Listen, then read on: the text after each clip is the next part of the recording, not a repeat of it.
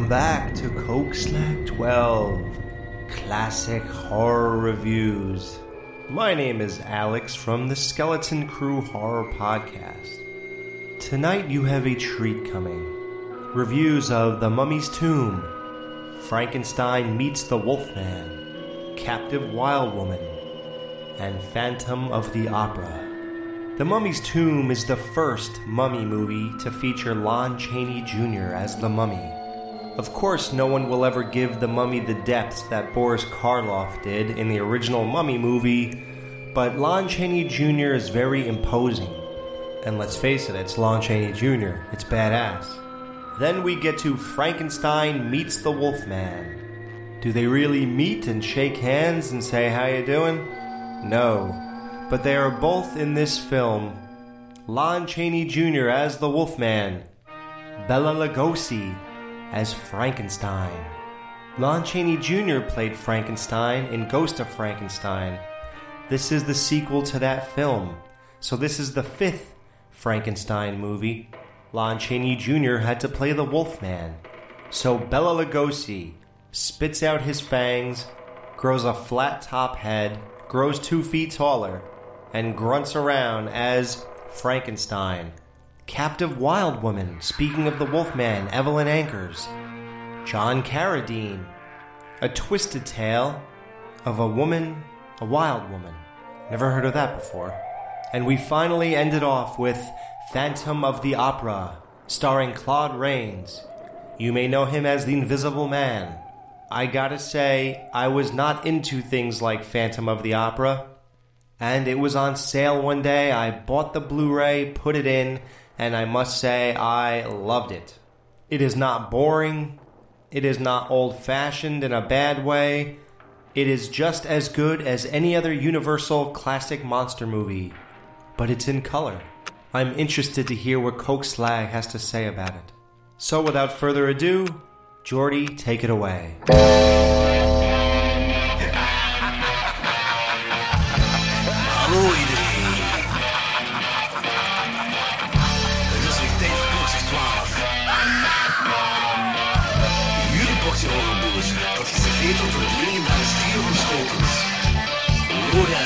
Lorenz, Wat? Ik kan me zelfs niet een beetje herinneren.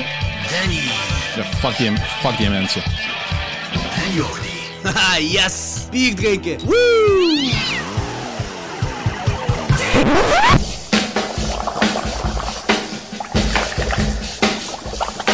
I was working in the lab late one night when my eyes beheld an eerie sight. For my monster from his slab began rise, and suddenly, to my surprise, He did the mash, he did the monster mash. the monster mash. It was a graveyard smash. He did the mash, It caught on in a flash. he did the mash. He did the monster mash. From my laboratory in the castle east to the master bedroom where the vampires feast. The ghouls all came from their humble abode to get a jolt from my electrode. They did the mash, They did the monster mash. the monster mash. It was a graveyard smash. They did the mash, It caught on in a flash. they did the mash. They did the monster mash. The zombies were having fun. The party had just begun. The guests included Wolfman, Dracula, and his son.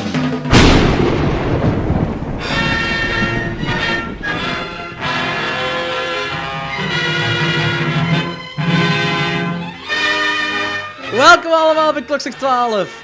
Wij gaan vandaag een oude Klokslag 12 retrospector verder uitbouwen. We gaan namelijk de Monster Mash verder doen. Dit is onze vierde Monster Mash. Danny, zing!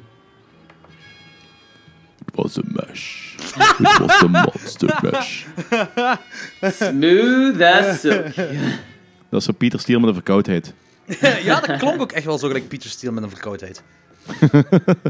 Die heeft trouwens sowieso ook al die Monster Mash films gezien, hè? Allemaal. Ah, cool. Veel van die eh, bekendere eh, alternatieve eh, artiesten van het hardere genre. Ja, dat geloof ik. De Misfits, die mannen van de Misfits, Rob Zombie inderdaad ook, ja. Het heeft lang geduurd, van aflevering 45 eigenlijk. eh, dat we nog eens een Monster Mash hebben gedaan. Holy shit, is dat zo lang geleden? Ja, het is echt lang geleden. Heb je trouwens de vorige aflevering, was, heb je dat trouwens niet met Thomas gedaan of zo? Ah, wel, ik wou juist een opsomming geven van alle Monster Mash dat we tot nu toe hebben gedaan. Eh, omdat wij ook nieuwe luisteraars ondertussen bij hebben. En dan zijn zij Ah, ook ja, een beetje op de hoogte. De allereerste Monster Mash is geleden van aflevering 10.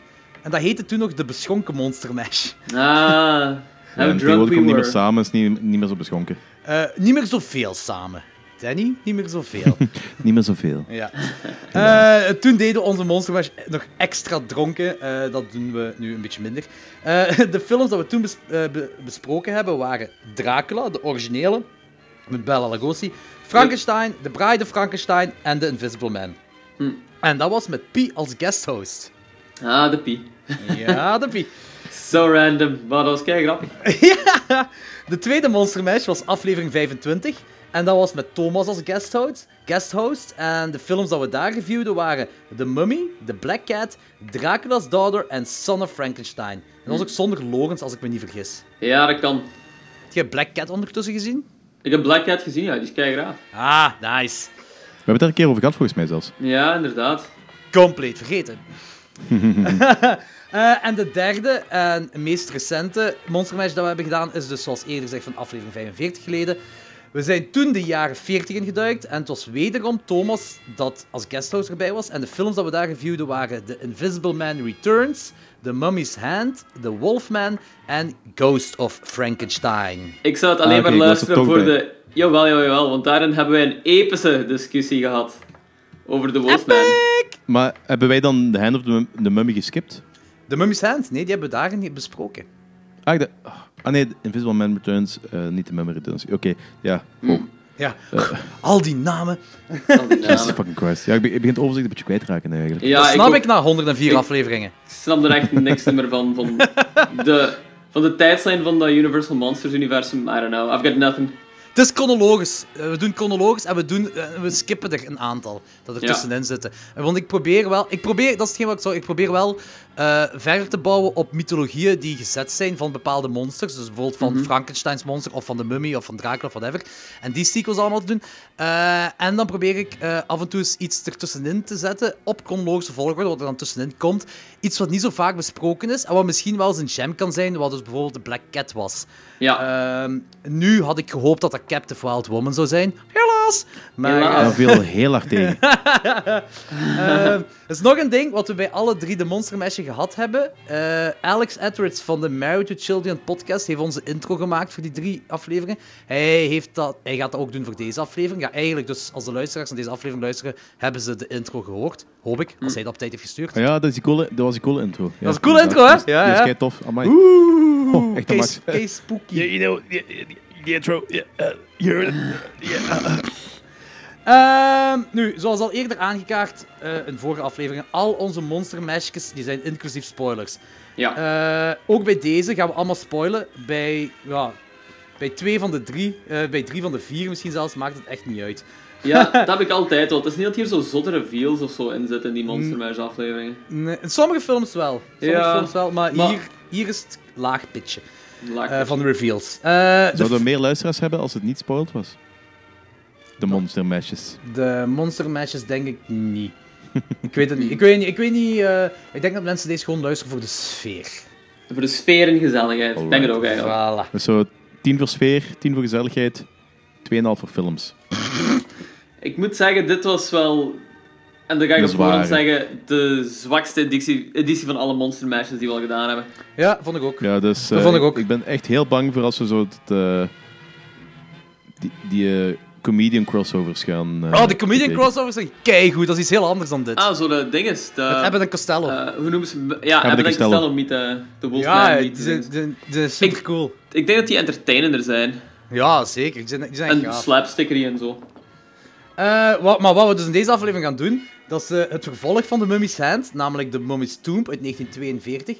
Daarna volgt de teleurstelling van de start van een nieuwe trilogie Captive Wild Woman uit 1943. Eh, als derde film reviewen het vervolg van zowel The Wolfman als The Ghost of Frankenstein in de allereerste horror crossover Frankenstein meets The Wolfman, ook uit 1943.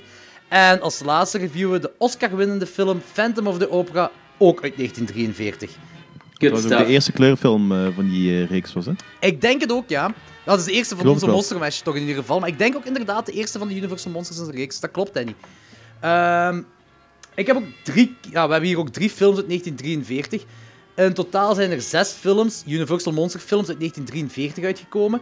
En 41 hon- eh, Universal Monster films in de, in de 40s in het algemeen. Dat is dus een gemiddelde van vier per jaar. En dan mensen maar zagen over Ma- Marvel. Eh, in tegenstelling tot de jaren 30 en de jaren 50 waar een twintigtal Universal Monsters zijn uitgekomen. Dus eh, Universal heeft het succes van zijn voorgangers heel hard uitgebuit. En dit is zo wel een beetje het goede voorbeeld van kwantiteit boven kwaliteit. Mm, I agree. Ja. Ja. Ja, de- ja nogal. De jaren Jezus. 40 heeft echt zijn hoogtes en zijn laagtes. En eh, dat heeft te maken... oké, Ja, ik heb buiten crossovers en sequels van succesvolle films proberen ze ook opnieuw en opnieuw nieuwe monsters te creëren. Captive Wild Woman is daar een voorbeeld van. The Brood Man, dat is een die ik expres geskipt heb, omdat dat echt een ranzig slechte film is. En die heeft ook een sequel zelfs. En Creature from the Black Lagoon, wel de jaren 50, is ook een voorbeeld van dat ze een nieuw monster proberen te creëren. Dat is Ah, weer een die wel succesvol gelukt is. ja, inderdaad. Ik dacht dat dat echt een van de originals was. Dat is een original. Nee, dat hoort bij original. Maar dat is gewoon een, een nieuwe creatie dat ze hebben gemaakt. Omdat Frankenstein een succes was, Dracula een succes was, Wolfman. En ze hadden gewoon een nieuwe successor nodig. Ja. En dat was. ehm dingen aan Creature from the Black Lagoon. Eh, en eh, in de jaren 40 heb ik ook nog de She-Wolf of Londen. Dat was ook zo'n een voorbeeld van. Ze wouden iets, eh, iets nieuws gaan proberen. Hebben ze daar, hebben ze daar Werewolf in Londen eigenlijk op gebaseerd? Of, eh, Werewolf Londen, dat is, ja, die heb ik nooit gezien, dat weet ik niet. Of wat bedoelt je? Bedoel- bedoelt je American Werewolf in Londen? American, Wolf, American Werewolf in Londen? Nee, She-Wolf Lo- Ja, nee. Ik... American Werewolf of Londen heeft effectief een werewolf. een weerwolf. She-Wolf of Londen, want dat wil ik ook even zeggen. In mijn top 100, aan onze 100ste aflevering, had ik voor 1946 She-Wolf gekozen. Eh, en ik had erbij gezegd... She-Wolf of Londen is self-explanatory.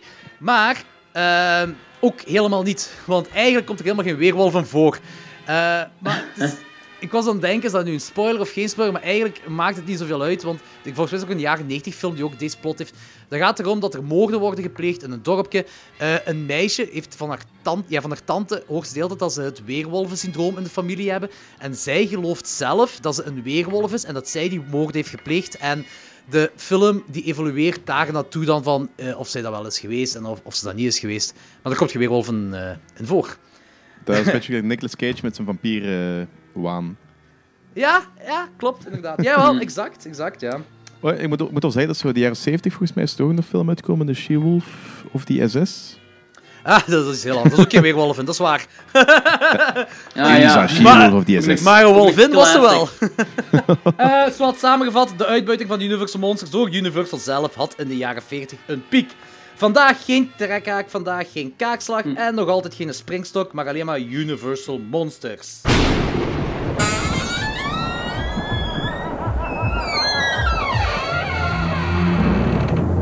Good evening from London. I'm Christopher Lee. Today's mummy is played by Lon Chaney Jr. Prepare to tingle as our tale of ancient revenge continues in The Mummy's Tomb.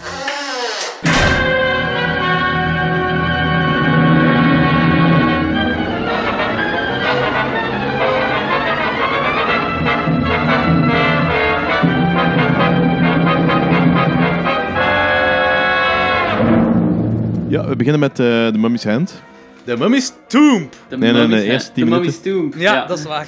Maar wacht, wacht, wacht. Eerst, eerst geregisseerd Ah, ja. door Harold Jung, schrijver Neil, Neil P. Varnick. Ik dacht aan Neil Patrick Garrett. Ja, dat zou cool zijn. Eh, nee. Eh, eh, en hij is ook de schrijver van Captive Wild Woman. En dat makes sense als je beide films naast elkaar legt. Een beetje. Eh, acteurs. Character actor George Zuko keert terug als Old Man Andoheb. Eh Dick Foran keert terug als Steve Banning. En Karis the Mummy wordt gespeeld door Lon Chaney Jr. En dit is de eerste van de drie Mummy-films waarin hij dat doet. In de voorganger was dat Tom Tyler en in Ja. de originele was dat Boris Karloff. Tagline: Buried, Buried Fury, stalking the life from the depths of doom. Dat klinkt echt wel als een hele goede tagline voor een band op Desert Fest. Dat is wel waar. Oh man. Oké, dus we beginnen met een flashback van wat er in de vorige film zich af heeft gespeeld. Duurt maar 10 minuten. Duurt maar 10 minuten. De film op zich duurt 10 ook zomaar een uur. Eh, ja. En hierna ehm, heb je een flashback waarin Banning, dus ehm, Steven Banning, het hoofdpersonage van de vorige film, denk ik ook dat dat was, Ja. ehm, in zijn huis vermoord wordt door een mummy. En dat is dezelfde mummy waarmee hij 30 jaar geleden dan Ambras heeft gehad. Obviously is dat dezelfde mummy. Ambras. Ambras. Ja. Ja, maar, maar Hey, ooit is ook met op café geweest, kreeg ze prul met die, Hey, asshole! kreeg ze prul met die mummy. toestanden. Ehm, en die mummy die staat dan onder controle van de kwaadaardige priester. Ehm, die een... Wacht, hè. Ja, het ding is, die Ando heb, die heeft ehm de ene good-looking exotische kerel dan op pad gestuurd naar Amerika samen met Karis om Ja. dan wraak te nemen op iedereen dat daar aanwezig was eh, bij de Mummy's Hand. op die expeditie. En iedereen dat zo daar aanwezig was en de, de nakomelingen zouden vermoord moeten worden van de High Priest. Wow, van de High Priest? Oké, ja, ça va. Ik ben semi mee. Oké. Ik, moet, ik moet zeggen, ik heb deze film echt maar met een half oog gekeken, because it was killing me, man.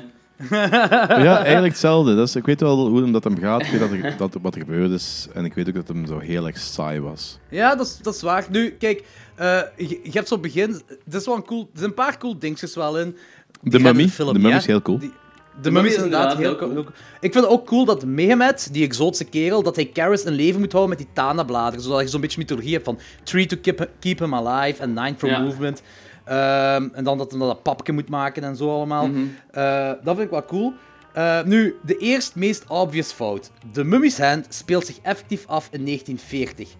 Deze film speelt zich 30 jaar later af, maar deze film speelt zich af in 1942. Eh, dus dat zou eigenlijk in de jaren 70 moeten zijn. Dus dat is wel een big mistake. Ik snap echt niet waarom ze gewoon zeiden van waarom Steve Banning op het begin niet zei, en die dingen is ook die eh, Ando hebben, waarom die gewoon, gewoon zeiden, twee jaar geleden is dan dan dat gebeurd. Dat had toch perfect ook gewerkt in plaats van 30 jaar geleden. Maar eh, zeggen ze echt dat dat in 42 is, zich afspeelt? Of eh, doen ze er gewoon niet uitzien gelijk de toekomst? Helemaal op het einde vertrekt hij naar, weer, oh, ja, naar Wereldoorlog 2. Steve Ben nee, niet Steve Banning, die andere. Die weer- vertrekt naar Wereldoorlog 2. Misschien dachten ze toen nog dat Wereldoorlog 2 nog 30 jaar ging duren. Want Wereldoorlog 2 Eh, was. Wereldoorlog 2 was toen nog bezig, hè? Dus eh, Oké, maar dan hadden ze net iets beter hun best mogen doen om de jaren 70 toch iets anders te mogen laten uitzien iedereen wil 1940. in, iedereen in space pakken en zo. Wereldoorlog 2 wordt op dat moment in de, in de ruimte uitgevochten. Dat had het iets interessanter gemaakt. Ja, maar ook heel erg campy en kut. En dan was het misschien eh, gerelateerd geweest kunnen, Mm, kunnen zijn aan. Plan 9 from Outer Space of zo. Mum- Mummy Tree from Outer Egypt. Kijk, daar kan ik meer van genieten dan van dit. Ja, Eerlijk gezegd. ja, ja. De Plan 9 from Ja, Outer Space absoluut. kan ik ook meer van genieten dan van dit. Eh zwart, uh, Mehemet wordt caretaker in dat kerkhof dan. Die maakt die bladeren soep. Of ja, de potion of the Tana liefst. Want dat is sfeervol, sfeervollig om zo te zeggen. Eh, en de, de mummikaris leeft terug. En hij gaat dan terug naar het huis van Steve Banning. Nu, ik heb geen idee hoe die weet waar Steve Banning woont. Ze zijn nog nooit in Amerika geweest. Ik weet niet wat voor zotte GPS'en ze toen hadden in 1942. Of ja, de toekomst 1970. Maar ik, ik heb geen idee hoe die daar terecht komt.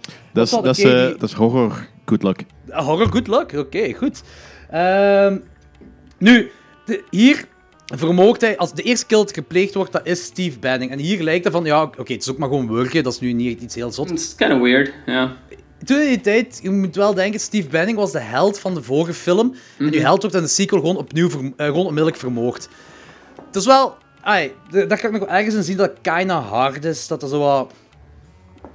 Ja, Een beetje een bold move misschien zelfs. Een beetje... eh, in ieder geval, dat is zo een van de weinige dingen waar ik wel respect voor heb. Dat ze dat doen. U held gewoon onmiddellijk van, van de vorige film in, in het begin van deze film. Oh ja, begin. Na minstens 10 minuten vermoorden. ja, absoluut. Dat een is beetje ook gelijk. dat is Ja. Is dat misschien spoiler, maar eh Hostel 2?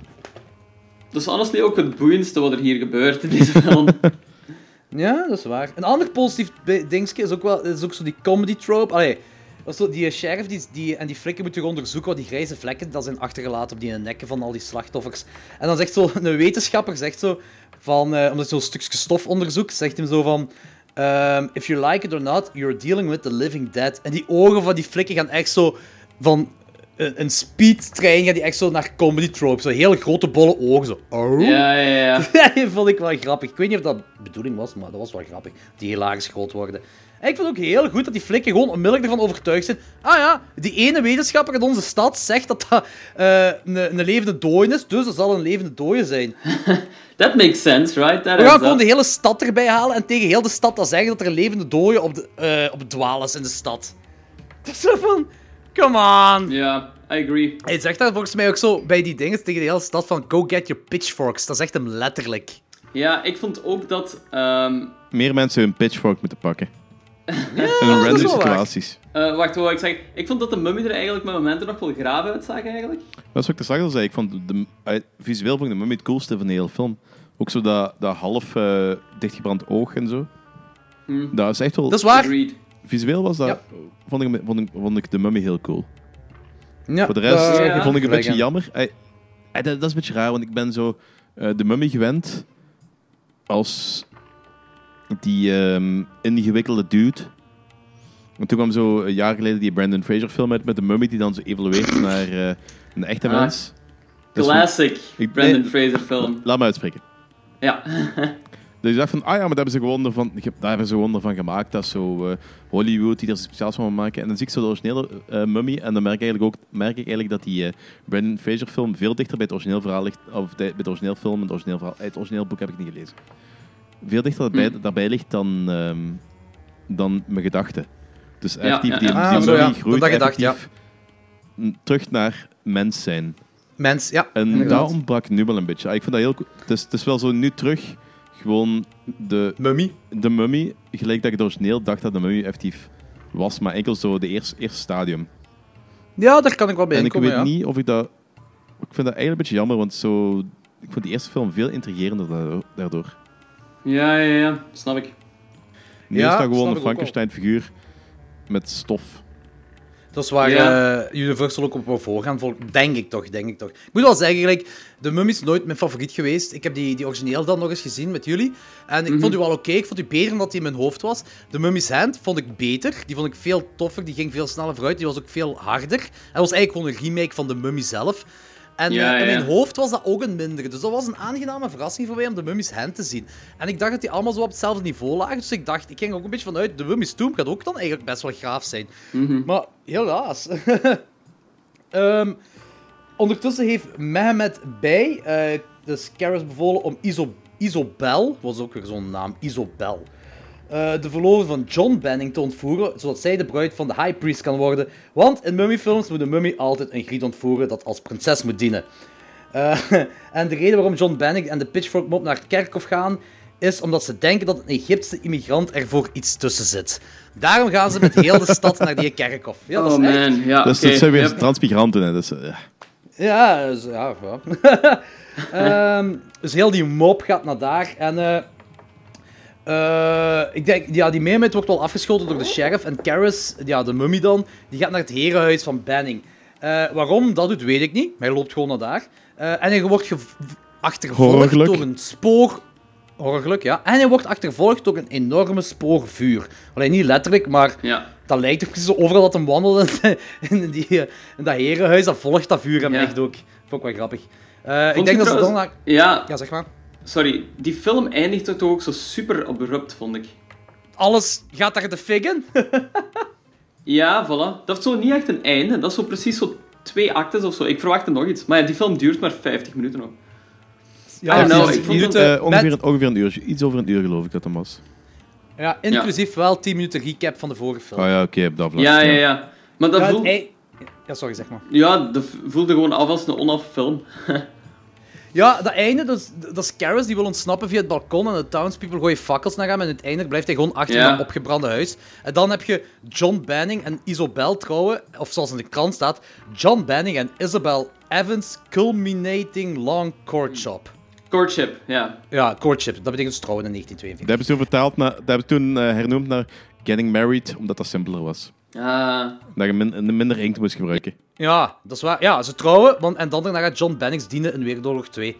Dus een eh 30 jaar later, in 1970 dan waarschijnlijk, ik weet het niet. Eh tijdsgebonden is dat heel mindfuck. eh, is, op dat vla- is op dat moment al verhuisd naar Vietnam, dus dat kan wel kloppen. ja. Dat kan zeker kloppen dat hem dan gaat dienen in eh Wereldoorlog 2, ja, klopt. Eh bon, ratings. Eh, pff, ik weet niet, Lorenz? Ik zal, ja, ik zal beginnen. Ik heb een, ehm een anderhalf gegeven, denk ik. Ik ben Alright. eigenlijk heel, helemaal niet mee met zo die hele Mummy-franchise. Ook gewoon, ik vind dat er zelden ene is die zo eruit springt. Nu, de Mummies Hand moet ik effectief toegeven, die gaat je ook nog tof vinden, denk ik. Omdat ik ben ook minder mee met de Mummies eh, lijn, die dinges. Maar de Mummies Hand vond ik echt wel cool. Ja? Oké. Ja. Alright, I'll check it out. Eh, maar de Mummy's Tomb is, eh, vind ik ook geen aanrader. Eh, ja, voor mij is het trouwens een 2 op 5.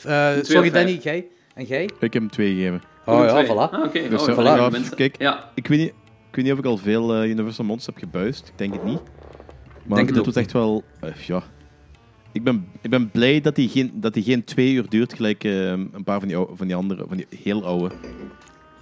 Deze had ze twee uur aan een stuk nooit kunnen rekken. Zo op, de, op deze Nee, manier. inderdaad. helemaal niet, Dat voelde, ja. En ik dat heb het gevoel, een ik heb gevoel met de, de rest ook een beetje, want zo, die duren allemaal, maar...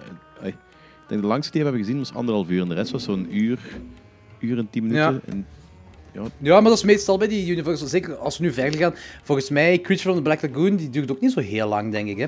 Ik denk dat die... 50. Ja, pas op, zijn, dat is wel... Toch eh, anderhalf uur? Zeker Ja? en vast, ja, ja. Ah, Oké, Phantom toch of ja. Opera was anderhalf uur. Ah, Phantom of the Ja. Anderhalf uur. Oké. Ja, daar Eh, komen we zelfs de- nog op terug. Deze film, dus zoals ik zei, ehm, dus deze film heeft een enorm groot Just Go With It gehalte. Of eh, gelijk Danny zegt, horrorlijk. Met dat Karis daar op het begin van de film het huis van Steve Banning vindt. De flikken Ja. dat zomaar zonder twijfel de professor geloven dat het om een levende dode gaat. En de Pitchfork Mob dat dan weet waar Karis dan mee met bij in het kerkhof zitten met een ontvoerde Isobel. Die tijdsbepaling klopt niet en de 10 minuten recap in het begin had korter gemogen. Ik vind het sfeer op zich nog wel plezant, maar er gebeurt niks voor de rest. Ik Ja. vond het wel kei grappig dat die, dat die, ehm, dat die jonge opperpriester, die, eh, die nieuwe... Ja, de Mehmet. Ja, Mehmet, ja. Ja, eh, Mehmet. Oké. Yes. Mehmet! Ja, Dat die, is die, die legt Isabel daar op die tafel met die vast en zo van... Yeah, you, you must love me, of weet je wat hij daar allemaal zegt. En zo... Ja, maar ik, ik, ga, je, ik ga je onsterfelijkheid geven, dan, dan zult je wel van mij houden. Zo. Different times, man. Different times. Different times. Goed, dat was de Mummy's Tomb. Ehm, nee, niet echt een aanrader, zoals jullie luisteraars wel gehoord hebben. Hi, I'm Joe Dante. When it came time for me to make my first picture, which I co directed with Alan Arkish, uh, the only way we could make it was if we promised to make it around footage from other movies. And having never done this before, I immediately ran back to the one movie that I remembered had done it quite well uh, a movie called Captive Wild Woman, where director Edward Dmytryk, who used to be an editor, uh, was tasked with taking a 1933 Clyde Beatty circus movie called The Big Cage and shooting a horror movie around it with a different cast. And it actually turned out surprisingly well. Captive Wild Woman.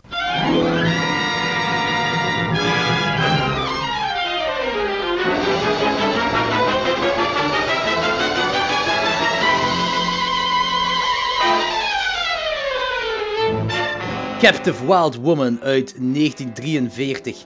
Eh, geregisseerd door Edward Dimitrik. En geschreven wederom door Neil P. Varnick van The Mummy's Tomb. Zeker. Eh, wie, wie doet er mee? Er zijn twee legendarische acteurs die erin meedoen. John Carradine speelt Dr. Sigmund Walters. En Evelyn Ankers speelt Beth Coleman.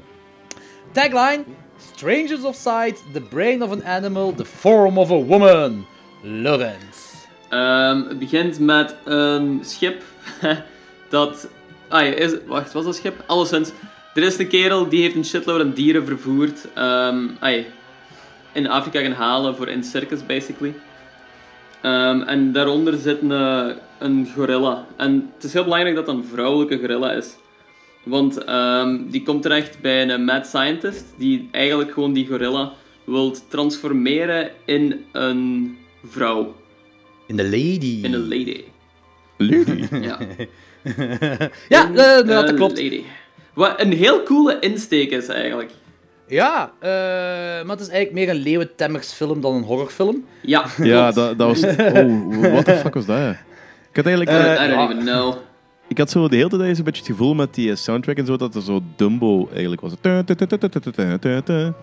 Ja, Snap ik ook wel. Snap, snap ik ook wel. Eh, dus Fred Mason, dat is de, die kerel waar Lawrence over had. Die komt terug van die safari met die hoop dieren. Eh, en die gorilla, die heet Sheila. Sheila, Ehm, yes. En het, het, het speciale eraan is niet alleen, eh, is niet alleen dat hij eh, vrouw is, maar ook dat ze menselijke trekjes heeft. Ja. Ook sens omdat dat man een apenpak is. Je merkt dat de movie magic ver te zoeken is voor mij in deze film. Hè. Ja, Ehm, Fred Meisens verloofde Beth Coleman, gespeeld door Evelyn Ankers. En ik ben ook oprecht fan van die griet. ja. Eh, vertelt over gezondheidsproblemen van haar zus. En dat ze haar zus heeft gebracht naar de incredible Sig Dr. Sigmund Walters. gespeeld door, Frank, door John Carradine. En ze verblijft daar ook. Eh, dus we hebben Mad Scientist in een Universal Monsters film. Check. Er moet altijd ofwel een Mad, eh, zo'n mop met pitchforks zijn, ofwel een Mad Scientist. En dan heb je een Universal Monster film. Yep, pretty much. En sommige allebei zelfs. Ja, dat zijn de good ones. The good ones, sure, ja. Terwijl dat Fred de dierentemmer speelt eh, met een tijger, is Dr. Walter samen met zijn assistent lichaamsvloeistoffen van Dorothy de zus in Sheila de gorilla aan het transfer... Ja, lichaamsvloeistoffen. Glandular material. Ehm, en Oké, heel goed woord dus. vrijwel Glandular material. onmiddellijk wordt de gorilla in een reverse Wolfman-style special effect omgevormd tot een vrouw. Echt heel snel gebeurt dat. En zo worden vrouwen gemaakt. Ah, wat een mooi verhaal. Wat een mooi verhaal. Ja? Eh, dus de ex-gorilla, nu, slash nu vrouw, heeft ook een brein nodig. En zoals we bij Frankenstein hebben geleerd, lukt een breintransplantatie wel zonder probleem. Eh, en aangezien de assistent van Walter daar toch is, komt dat goed uit voor hem om haar op te offeren en het brein van haar in een gorilla-vrouw te steken. Mm. Weet je, twee vrouwen zijn geofferd om, één gorilla, om van één gorilla een vrouw te maken. Ja, inderdaad. En op zich vind ik zo die mad scientist nog wel heel boeiend eigenlijk. Ehm, en ja, het idee was wel cool. En ik vond eigenlijk wel zelfs dat apenpak erbij Ja, cool dat was. is, je, je zit meer vergevingsgezind omdat dat wel een B-film is. Dat is waar, ik, inderdaad. En ik moet zeggen, er zijn heel veel zo sequenties in deze film. Echt enorm veel, dat is zo de helft van de enorm film. veel. Dat is, echt, dat is inderdaad de helft van de film. But, didn't hate it. Eh, zo die leeuwentemmer dingen, ik vond Ja, dat nog ja. wel graaf. Ik zou dat niet gehaat Ja, hebben als ik naar een Leeuwentemmer eh, film of documentaire aan het kijken was. Ja, Maar jij zit naar een apenfilm aan het kijken. inderdaad. En wat voor een apenfilm, mannetjes. Eh, dus die Fred die wil een leeuw samen met een tijger temmen in één kooi. Kijk, die film is oud, die is stok oud. Ik weet dat er niks ergs gaat gebeuren in deze film. Maar ik moet wel toegeven dat bij die leeuwentemmers zijn. Die kerel zit daar echt voor die leeuwen. Ja, Dat zijn echte leeuwen. En ja dat is heel indrukwekkend eigenlijk. Ja, dat vond ik ook. Vooral wanneer die leeuwen elkaar begonnen aan te vallen. Mm. Ik dacht van, holy shit, this is getting wild. Ja, inderdaad. Ik vond dat ook, dat is toch super on... Maar dat begint er ook zo met die leeuw die daar zo losgelaten wordt op die boot. Dat is toch zo super onvoorspelbaar om daarmee om te gaan. Dat is... Zijn er geen gewonden of zo gevallen? Ik, ja, zover ik weet niet. Ik heb er niks over gelezen. Maar ik heb toch die ene Charlie Goes to Honolulu gezien voor onze honderdste. Ah, ja, ja. Daar heb ik het toch ook over gehad dat die kerel. eh, dat die kerel daar in een leeuw zijn staart bijt. Maar letterlijk dat, hè. Je ziet dat in full frame, dat die kerel in een, in een staart van een leeuw bijt. Zoiets doet je niet. Dat is, eh, iemand met een beetje gezond verstand doet zoiets niet. Er gebeuren erge dingen op dat moment als je dat doet. Ik weet dus niet hoe die filmmakers toen in de jaren 40 dachten, maar dit is gewoon waanzin. dat is gewoon waanzin. I can agree. Ik had wel een gegeven moment zoiets zo die eh, stukken waar dat die leeuwen vechten waren. In welke mate dat dat... Allee, ja, was dat op de set of op de eh, opnameplaats van- van die leeuwen en zo? Zijn e- hebben die er echt gevochten? Of was dat gewoon ergens in de natuur opgenomen of een beetje hun ding ervan gemaakt? Ik beeld ook- dat die gewoon echt gevochten hebben. Wat, je, je hebt het over de leeuwen zelf. Dat is op een gegeven moment zijn leeuwen, leeuwen en tijger echt aan het vechten. Dat is gestaged, eh, als in, ze bedoelen ermee dat, dat, eh, dat ze die dieren als acteurs hebben gebruikt. Ze, ze beschouwen die dieren als acteurs. Ze hebben hun bevolen om dat te doen, dat vechten. Dat is gestaged, maar dat is echt. Ah, echt? Oké. Ja. Dat was trouwens kei grappig. Sommige punten zag je zo, ehm, zag je zo de leeuw achteruit lopen. En je ziet gewoon dat dat zo gewoon de beelden achteruit eh, aan het draaien waren. Yeah, awkward. Zo heel, on- Ah. heel onnatuurlijke bewegingen van die poten. Die old-timey special effects. dus eh Pola komt er tussenin om de dieren te kalmeren, omdat er wel ruiger aan toe gaat. Omdat zij vroeger een gorilla was, heeft zij zo eh luisterde leeuwen naar haar. Dat is volgens mij ook gewoon leeuwenkoning logica, hè? Ja, ja, ja. Toegepast. Want eh, leeuwen en tijgers dat zonder probleem met gorillas kunnen omgaan. Ik weet niet waar ze die logica vandaan halen. Dat is zoiets een beetje Disney-achtig. Ja, absoluut. maar dat wel... Ja, dat wel zo wat... dat is een circus, dat is wel een fairy tale vibe. I kinda get it. Dumbo eigenlijk. Ja, Dumbo. King Kong meets Dumbo. Ja, absoluut. King Kong meets... Oh mannetjes, ik heb gisteren King Kong meets... eh, nee, King, King Kong versus Godzilla gezien. Die, Godzilla, eh, die King Kong wat je daarin ziet, hè. Die, die mist een paar chromosomen. ja, ik ga, over anderhalf jaar, ik ga over anderhalf jaar King Kong meets eh, eh, King Kong versus Godzilla zien. Ah, ja, Ja, ja. de nieuwe. Die oude, die oude is ook wel tof, hè. is heel plezant, hè, maar... Echt eh, mentally challenged King Kong. Ehm, eh, dus eh, Fred neemt dan Pola mee in zijn dierenact. Die betrekt hij erin bij, want... Want ja, zij is degene waar naar de leeuwen luistert. Dat is allemaal een beetje veiliger. En dan merkt Pola de gorilla dat Fred een verloofde heet. Dum, dum, dum. Oh. Ehm, Dus Pola wordt jaloers en dan begint ze stilletjes aan te blackfacen. Heel raar. Eh, en dan wordt ze de gorilla terug. Wat een superkracht. Jaloers worden en gorilla worden. Ja, dat is, dat is nog debieler dan die eh, superkrachten van eh, Aquaman. Hè. ik weet zelfs niet wat, de- wat die zijn. Eh, ik kan onder water ademen en eh, praten met vissen. Dus eh, dat, is, Ja, dat is een beetje hetzelfde als SpongeBob. Een beetje, een beetje. Eh, weet je, ja. Copyright Jeff Dunham. Eh, Paula wil dus Bed vermoorden, ehm, maar dat lukt niet. Ah nee, ze vermoordt iemand anders, dat was het. En, eh, en Walters moet nog eens de operatie gaan... Ja, dus de, de Mad Scientist moet nog eens een operatie gaan verrichten om haar terug mens te maken, onze terug gorilla. Eh, en dat allemaal terwijl Fred op zijn eentje een heel hoop leeuwen in één kooi moet temmen. Eh, terwijl dat er een bliksemstraal die een circus tent kapot maakt en alle dieren ontsnappen, behalve een leeuw dat op een bepaald moment zo goed als Fred aan het opeten is. Ja. Wat ik ook een heel rare sequentie vind. want Die Inderdaad. acteur zit effectief in de mond van een echte leeuw. Yep, it's weird. Maar, Super Sheila to the rescue. Eh, de gorilla is ontsnapt en eh, hij redt, eh, zij redt Fred van de leeuw. Eh, ze geeft zelfs haar leven voor hem. Oké, de kills zijn zwak en ik weet dat ik geen animalistic bloederige woorden moet verwachten. Maar, zelfs als je wurgscènes laat zien in de vroegere Universal Monsters scene, hebben ze kills ook graver laten zien dan dat je hierin ziet. Hier is dat gewoon heel tam. Heel tam. Ja, absoluut. Ik vind dat er bij deze films heel erg veel eh, iemand loopt tegen iemand zijn of haar nek aan en die persoon sterft. Klopt. Ja. dat is wel Heel waar. veel. Ja. De horror zit eigenlijk zo alleen in het dierentemmen. In die dierentemmen scènes. dat is Daar een- zit zo wat... de- Ja, dat is Ja, dat, echt dat, horror dat de enige momenten dat ik zei van de spanning. Ja, voilà, dat bedoel ik ermee. Dat, dat bedoel ik ermee. Dat is zo hetgeen wat nog een beetje aanleunt wat horror zou kunnen zijn. Maar zo alles met die gorilla heeft toch niks meer met horror te... Vind ik toch, hè? Heeft niks meer met horror te maken. Nee. Ehm tja. Ik denk dat hier wel een goede film in zou kunnen zijn, maar dit is het niet. Ik weet, dat ik weet, ik weet wel. zelfs niet of hier een goede film in zou kunnen zitten. Ah, ik vind het idee wel leuk. Ik vind het Ik vind het idee zeker zeggen. fijn, ja, maar het is gewoon very B, hè. Ja, ja, het is dat. Very B. Lui B, ook. Dit, dit is wat de film dat ze zo misschien bij Mystery Science Theater kunnen doen. ah zo. ja, voilà, inderdaad. Dat zie ik inderdaad nog wel zitten. Bij deze film. En dat kan deze nog wel plezanter maken. Ja. Ehm, maar eh, zo... eh, ja... Ja. Ja, het heeft, het heeft mij niet overtuigd. Nee. Eh, jij, Lorenz? Ehm, ik, heb hem, goh, ik heb hem 2 op 5 gegeven, omdat ik ergens nog wel zo hem charmant vond. En die, ehm, zo die circus settings ik ergens wel graaf, omdat het zo heel, ehm wat is het woord, romantisch is. Nu is dat romantisch. En ook heel schraal, omdat er gewoon wilde dieren zijn dat niet in een circus hoort te zitten. Maar dat is een ander verhaal. Maar als die kerel daar zo bij, die leeuw aan het temmen is met zo die zweep en zo die stoel, dat ziet er wel graaf uit. En het idee is cool, dus ja, ik heb hem nog altijd gebuist, maar het is niet onvergeeflijk slecht. Ik vond hem boeiender dan de Mummy's Tomb. Oké, dat snap ik. Ehm, ik geef u gelijk. Ik zit ook op een 2 op 5.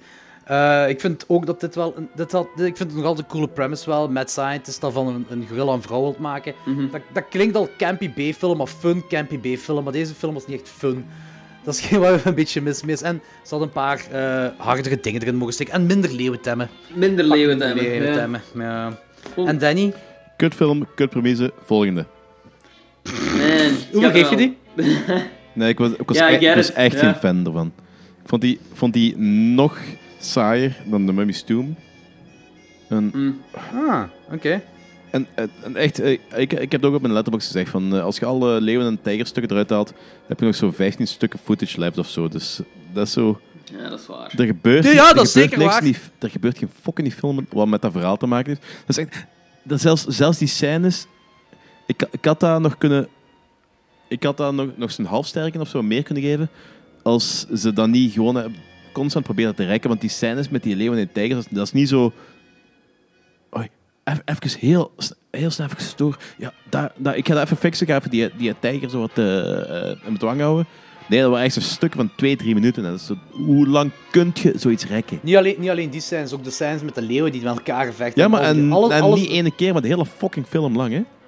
Ja. Ja, dat gebeurt Constant dat gebeurt echt opnieuw en opnieuw en opnieuw. Ik heb het nu wel gezien. Ja, ja, dat is ook. Dat is ook wel zo. Eh, maar ik ben dan nog net wel iets meer vergevingsgezind, omdat ik het wel erg charmant vind. Maar ik ben helemaal niet mee. Maar goed, Trouwens, ook, dat, ook, die hele, ook die hele premisse van zo... Ja, we gaan de hersenen van een dier en een eh, mens stoppen. Dat is zo... dat is echt gebeurd met scientist toestanden. Ja, Ja. Dat, dat, geloof ik, dat geloof ik absoluut. Maar dat is zo en van, dat is ik wat vind ik wel dat- cool vind. Ik vind dat een hele saaie premisse van film. Er is één film die ik wel eens wil zien. Ik denk zo Tammy en de T-Rex of Tammy en de Tyrannosaurus. Zo. Ah ja, Was is die insane. Ja. Ik heb, De nieuwe re-release dan. ik heb daar ooit in de tijd, toen dat op eh, RTL Plus, die Duitse televisiezender, want ik keek vroeger alleen maar eh, films in Duits. Ehm, Sure. Ik ook. Alleen niet alleen maar, maar ik ook heel veel. Ja, het, Ja. is, het is omdat ehm, mijn, ma- mijn, o- mijn oma was Duits. En we hebben dat toen meegekregen van haar, dat we zo heel veel RTL Plus keken. Want daar waren alle coole cartoons waren daar ook op. En, RTL Plus, ik ook, maar omdat mijn oma Ja, ja, Sloveense afkomst en is. alle coole films kwamen daar ook op. Dus, en die hadden zo in de tijd van Jurassic Park, hebben ze twee of drie jaar gehad, zo Dinomania. Ah, ja. En daar waren de concepts van die dinosaurusfilm, zo eh, Land Before Time, eh, van Land Before Time, is effectief zo die, die oude ehm, jaren 50 films, dat ze ook naar die, die eilanden door, de, door het middelpunt van de aarde gaan, weet ik van allemaal toestanden. En die, hebben, die ja, hebben ze daar ooit eens, eh, die Tammy en de Tyrannosaur hebben ze er ooit eens op gedraaid. En vlak nadat die dude in dat dierentuin wordt aangevallen, Mm. was de cassette op. en ik heb die sindsdien heb die niet meer Zuur. gezien. En ik, wil, ik, ik, ik, vond, ik vond zelfs niet welke film dat is. En nu met, met onlangs dat ze zeggen van, ah ja, we hebben een re-release, hebben de plots gezegd, oh die shit, dat is die film. Ja, maar die versie dat jij aan het kijken waart, was, was sowieso de slechte versie. Want daar is alles uitgeknipt.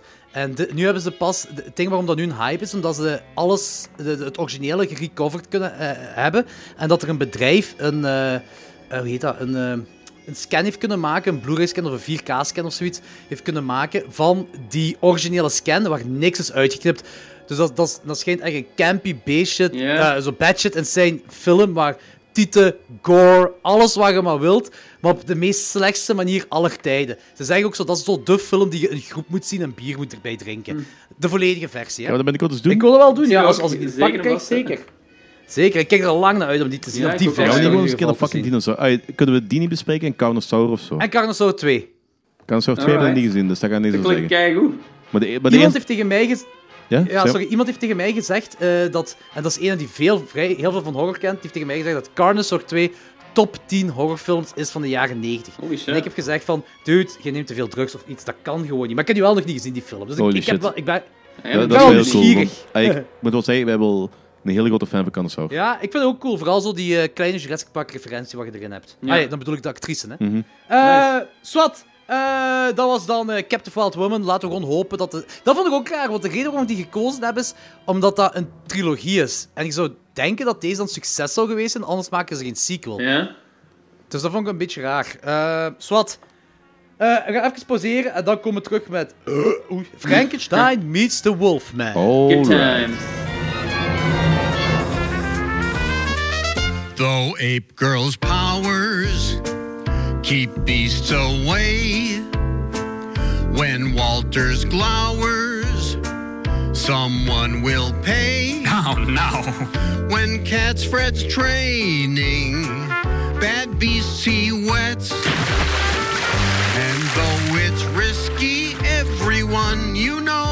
Smoking cigarettes. And when that cruel clods stewed to the gills, he's soon the schemer that Sheila kills. So Doc keeps looking for a subject to appropriate her glands that ape girl's metamorphosis demands. Jongens en meisjes, horrorliefhebbers. Dit is het officiële pauzemoment van klokslag 12, meisjes en jongens. This is no imaginary Wolfman. It's Lon Chaney Jr. as the real thing. Unhappiness and a legendary monster. Lon Chaney Jr.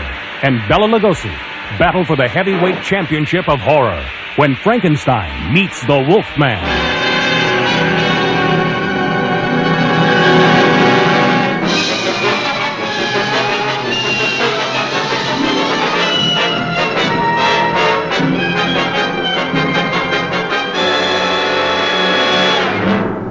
Frankenstein meets the Wolfman. Thank God dat deze erin zat. Dat zei ik nu al. Dat is wel waar. Dat is ook, dat is de redder van de Monster Mash nummer 4. Geregisseerd door? Roy William Neal. Geschreven door Kurt Sidemak. Nee, Kurt Soitmak. Die heeft ook The Invisible Man Returns en I Walked with a Zombie Kurt eh, geschreven. Soitmak, Siotmak, Siotmak. Eh, wie doet er mee? Lon Chaney Jr. keert terug als de Wolfman, Larry Talbot. Eh, Il- Ilona Massey speelt barones Elsa Frankenstein. Patrick Knowles speelt Dr. Frank Mannering. Lionel Atwill speelt de Mayor. Bella Lugosi speelt het monster. En Dwight Fry speelt Rudy the Villager. Rudy de Villager. Ja, omdat die kerel, dat is zo'n character, eigenlijk, die heeft Reinfeldt in Dracula gespeeld, die Frits in Frankenstein gespeeld, de voorloper van Igor. En hier speelt hij zo een villager. Zo. Rudy. Rudy. Rudy. Rudy. Rudy, Rudy, Ja. Rudy. Rudy van op café. Rudy. Ken je hem? In the village. Rudy. Zalig. Tagline: Frozen Evil meets Fiery Hate. Eh een synopsis. Eh, een synopsis. Het gaat over eh, grave robbers die het graf ehm, van de Wolfman eigenlijk gewoon open doen. En daar wordt hij wakker. En ehm, die... ja, Dat is eigenlijk wel dat is waar. eigenlijk waar. Ja, dat is zo. Ah. ja, en dan wordt hij wakker. Ja. Dat is niet gelogen. Dat is niet gelogen, right? Nee, Ja? dat, dat is, dat is, dat is, dat is- ja. En ehm, dan heeft hij zo zijn innerlijke kwelling weer van dat hij het niet fijn vindt om zo immortal te zijn en de Wolfman te zijn. Dus dan gaat hij naar... ehm, En hij wil ook geen mensen vermoorden, dat is ook een ding. dat vindt hem ook niet zo chill. Nee, nee, dat is waar. Dus, Wow, eh, wacht, wacht. Hij Ah, ja, gaat dan sorry. naar Dr. Frankenstein ehm, met het idee dat die hem kan genezen. Maar Frankenstein is dood. Ehm, maar zijn monster is er nog wel. Ja, en de dochter leeft En de dochter leeft. Ja. Eh, eerste titel. De enigste Frankenstein die hierin meedoet is dan die dochter Elsa Frankenstein. En ik weet het, technisch gezien klopt dat wel, want zij ontmoet de Wolfman. Maar ik ga ervan uit dat de filmmakers het monster bedoelen met de titel, right? Ik denk het ook. I Dat is gewoon Frankenstein monster. ja, dat is very cheap en zo, maar ik denk het ook wel eigenlijk. Ja. En ik denk dat toen ook al in de jaren 40 dat... Ik, denk, ik, denk, ik ben er bijna zeker van dat wanneer de allereerste Frankenstein-film uitkwam, die met Boris Karloff, dat mensen het monster toen al Frankenstein noemden. Ja, dat moet wel. ja, waarschijnlijk wel. Het was anders wel heel grappig geweest als dat echt zo was van eh, Frankenstein meets the Wolfman. En gewoon twee dudes in een kostuum zo... Ah, aangenaam. Frankenstein. Ah, betaald. betaald. en dat is een film. Dat is de film. Ja. Hey, wouldn't hate it. Happy end, happy end. Kei mooie film. Eh, iets over die acteurs. Normaal zou Evelyn Ankers Elsa Frankenstein spelen. Makes sense, want zij speelde ook Elsa Frankenstein in de vorige film, Ghost of Frankenstein. Maar zij speelde de love interest van Larry Talbot in The Wolfman. Ik weet niet of je je nog herinnert, maar dat meisje dat dan zo twee... Ah, zo, een geliefde heeft, een verloofde, en eh, Ja. de Wolfman wil die afpakken. Dat meisje is Evelyn Ankers. Aangezien Ah, hier de Wolfman eh, Elsa Frankenstein, het moet zo dat heel raar zijn, moest dat gespeeld zijn door Evelyn Ankers. Dat, is- dat, is- dat moet zo Ah, zijn van... Eh, Gwen, what the fuck are you doing? Who are you? Of iets in die aard. Eh, maar het rare is daarop dat... ehm, dus dat makes sense dat ze dat, dat ze dat gedaan hebben, die switch van, van cast. Maar het vreemde is dat Dr. Frank Mannering in deze film gespeeld wordt door Patrick Knowles. Maar Patrick Knowles is dat lief van Gwen in The Wolfman. Ah, is dat? Ja, dus dan hadden ze ook iemand anders kunnen casten om Dr. Mannering te spelen. Ik, zeg- ik vind dat een raar keuze om die erin te zetten, aangezien die, datzelfde acteur een andere personage speelde in de voorganger van deze film. Mm, agreed. Ik ga er heel eerlijk in zijn. ehm, niemand van die acteurs van die tijd, buiten zo'n Vincent Price of zo'n eh Bela Lugosi of zo, blijft mij bij. Dus I don't give a shit wie Ja, dat is ook al waar. in speelt. Nee, maar als je dat een beetje een tijdsgeest bekijkt, da- toen was dat anders. Ja, ja, hè, tuurlijk. eh, Ja, ik snap wel, snap dat wel. waren de Brad Pitt en de. Julia Roberts van toen, ja. mannetjes. Of acteurs die relevant zijn nu. Ah, ja, Julia I Roberts. don't know, dat was het eerste waar ik kan opkomen. Die is keihard niet meer relevant. hè. Ja, twintig jaar geleden. Ja, ja, tuurlijk. Jennifer Aniston heeft vorige week nog, eh, laat, of vorige maand nog gezegd van dat ze eh, niet snapt waarom dat niemand haar wil casten. Jennifer Aniston heeft één Instagram-post gemaakt en heeft Instagram daarmee kapot gemaakt. Ja, inderdaad. She Ja? Kim Kate that shit, ja. Ja, Welke? mega zot. Ze heeft gewoon een foto gepost. Ze heeft een Instagram-account aangemaakt. Ze heeft een foto gepost. En eh, zij had op een paar seconden eh 8 miljoen volgers of Ja, zo. wa- En, eh, Ah, ja. Dat is echt is dat, is dat ze die heeft foto echt dat, dat de verbroken. kook op die gsm lag? ja, of allegedly. Wat? Echt? Lijkt er kook op de gsm? Ja, dat, dat lijkt erop dat juist bij Matthew Perry ligt er een gsm. Juist bij hem dan nog. Met z'n wel lijntjes. Ah, Kan Photoshop Matthew zijn, in mijn hoofd is dat echt. Ja, ik, ik, ergens hoop ik het ook wel, omdat het wel grappig is. Dat maar het kan, even goed, het kan ook wel een reflectie zijn of zo. Hè. Maar ja. Dus ik, ik hoop het al. Zwat. Eh, om terug te gaan naar eh, pff, Frankenstein meets the Wolfman. Ja. Dus vier jaar later dan de gebeurtenis van The Wolfman en Ghost of Frankenstein. Dus zoals Logan zei, twee grafrovers. Moet toch altijd zo'n grafrover zijn dat een crypte open doet. daar, hè? Vroeger, in die tijden, waren er echt constant grave robbers. Dat was echt een keigoed beroep waar ik me in Dat was een ding. Dat was, Dat was echt een ding toen. Nu zal dat ook nog wel zijn, maar nu... Ai, nu dat is echt herhaald gewoon. Niemand doet dat nog. Ja, ik ben er vrij zeker van dat, dit, dat gelijk Jody aan het evolueren is, dat dat zo Kijk, jaar, Jordi aan jaar het evolueren is. Wat was Hoe bedoelt hij daarmee? Jordi gaat gewoon pet cemeteries verhaben, denk ik. Nee, kijk, het begint altijd met dieren. Ja, Wesley sprak me over laatst aan. Het kerkhof van Hasselt gaan ze eh, opgraven. Ze gaan alle oude lijken en geraamtes gaan ze opgraven om dat nieuw plaats te maken, vernieuwen. En ze gaan dat allemaal weggooien. Dus we gaan misschien eens kamperen in het kerkhof van Hasselt. Oeh, Hey, maar hier in, in Mechelen is dat, is dat gebeurd. Dus ze hebben daar, ehm, voor dat, ik denk voor, ik geloof voor dat ziekenhuis wat ze nu gebouwd hebben, zo, daar lag vroeger een kerkhof. Dus ze hebben daar zo'n heleboel daar opgegraven. En uiteindelijk bleek dat zo, ik weet niet hoeveel beenderen eh, te liggen overal. En s'nachts, ik weet niet hoeveel mensen daar zo schedels en weet ik veel allemaal gaan pikken. Dat is zo grappig. Hè? In Genk hebben ze dat ook gedaan toen met de kerkhof. Ze hebben daar alles opgegraven, om dat alles clean slate te maken. Eén nacht hebben ze dat onbewaakt gelaten. En het schijnt is er keiveel volk uit Genk zo al, alles, daar, alles gaan weghalen. No fucking Er is way. niks meer over. Ja, dat is echt zalig. Dat is echt grappig.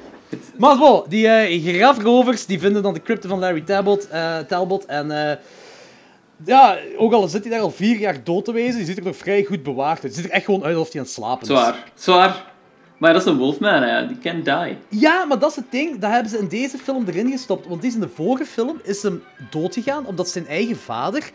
eh, dat is eigenlijk heel poëtisch. eh, zijn eigen vader heeft hem vermoord met een zilveren wandelstok. Ah, ja, ja. Terwijl hij die zilveren wandelstok aan zijn vader heeft gegeven. En zijn vader wist niet dat hij de Wolfman Hmm. was. Dat was een heel mooi poëtisch einde.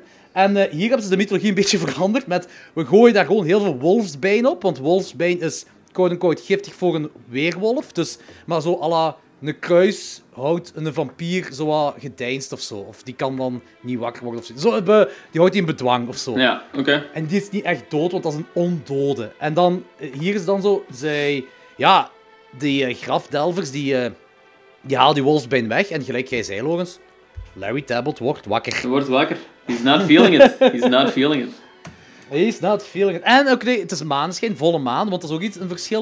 In de vorige film, in The Wolfman, dan zeggen ze dat wel van de volle maan. Mhm. Maar je ziet nergens in die film een volle maan. En hier hebben ze er wel mee uitgepakt met die maan. Ja. Je ziet het en de- je ziet het ook schijnen op hem. Ja, true. Ehm, maar dat is dan de, dus, ja, ik weet niet, ze moeten ergens wel een reden geven waarom dat overleefd heeft. En ik denk dat dat wel de reden is. Dat hem niet vermoord is in de vorige film, maar dat ze wolfsbeen op hem hebben gezet en dat het daar nog in deze... Nu, ik weet dat het cheesy is om ermee uit te pakken, maar ik vind het allemaal oké, gewoon omdat ik Lon Chaney Jr. kei graag zie acteren. Dus ik heb zoiets van, sure, doe maar op, zolang hij het maar is, de Wolfman, Ja. niet iemand anders. I, I Ik had, het wel- agree. ik had het wel heel cool gevonden als je die, die grave robbers dan die, die eh, crypto openmaken en dan eh de Lon Chaney zo recht staat met heel veel... 10.000 jaar! Geeft je zo'n vreselijke kramp in je nek. dat is wel grappig. Ja. Trouwens, trouwens, hoe zit dat? Want eh, ik heb vroeger als kind geleerd in die boeken van Paul van Loon, in die Griezelbos vooral, dat als je ehm, een weerwolf doodt en eh, je, laat je laat dat lijk liggen in het maanlicht, wordt dan vampier. Wordt dat ergens in, wordt dat ergens in deze mythologie of die eh, Universal Monster dingen ook? Dat heeft Paul van Loon verzonnen. Ah, oké. Jammer. Eh, maar nee, maar dat is oké, want bij elke film doen ze toch altijd zo hun eigen mythologie wat ze willen erbij. Dus waarom ook niet bij boeken? Ja, maar ik Sure. vraag me af, want ik heb, zo, ik heb zo dat eigenlijk nooit ergens anders een vampire of werewolf lore gezien. Het, zijn al, het, zijn- het grappige is ook wel dat zo, want dat is wel een goed punt dat je maakt. Dat zijn altijd die twee die ook vaker samenkomen. Hè? Is dat? Een eh, weerwolf en vampier, Ah ja, dat, True dat Blood en. Dat is zo dat beetje... True Blood, maar ook dingen, eh, wat we doen in de Shadows. Van en, Helsing, eh, de classic. Ik denk dat dat misschien zo de animalistische kanten van de mensen zijn. Maar de, de ene dan zo de dooi en de andere leven, dat dat eigenlijk zo elkaar wat reflecteert of zo. Hmm. Plus dat, Ja, eh, dat wel wolven ook zo'n beetje onhevig zijn aan eh, de wil van die vampieren. En gelijk bij Dracula is het ook zo. ja, ja. dat kan wel. Ja, dat kan goed kloppen. Eh, over wolven gepraat. nee, John Laney. Ik hou van continuïteit. Ik hou van con eh, John. Ik hou van continuïteiten. Ik hou van en de politie. ook. Van een goede continuïteit. De politie eh, die vindt eh, Larry Tabot daar op dat kerkhof met een hoofdwonde.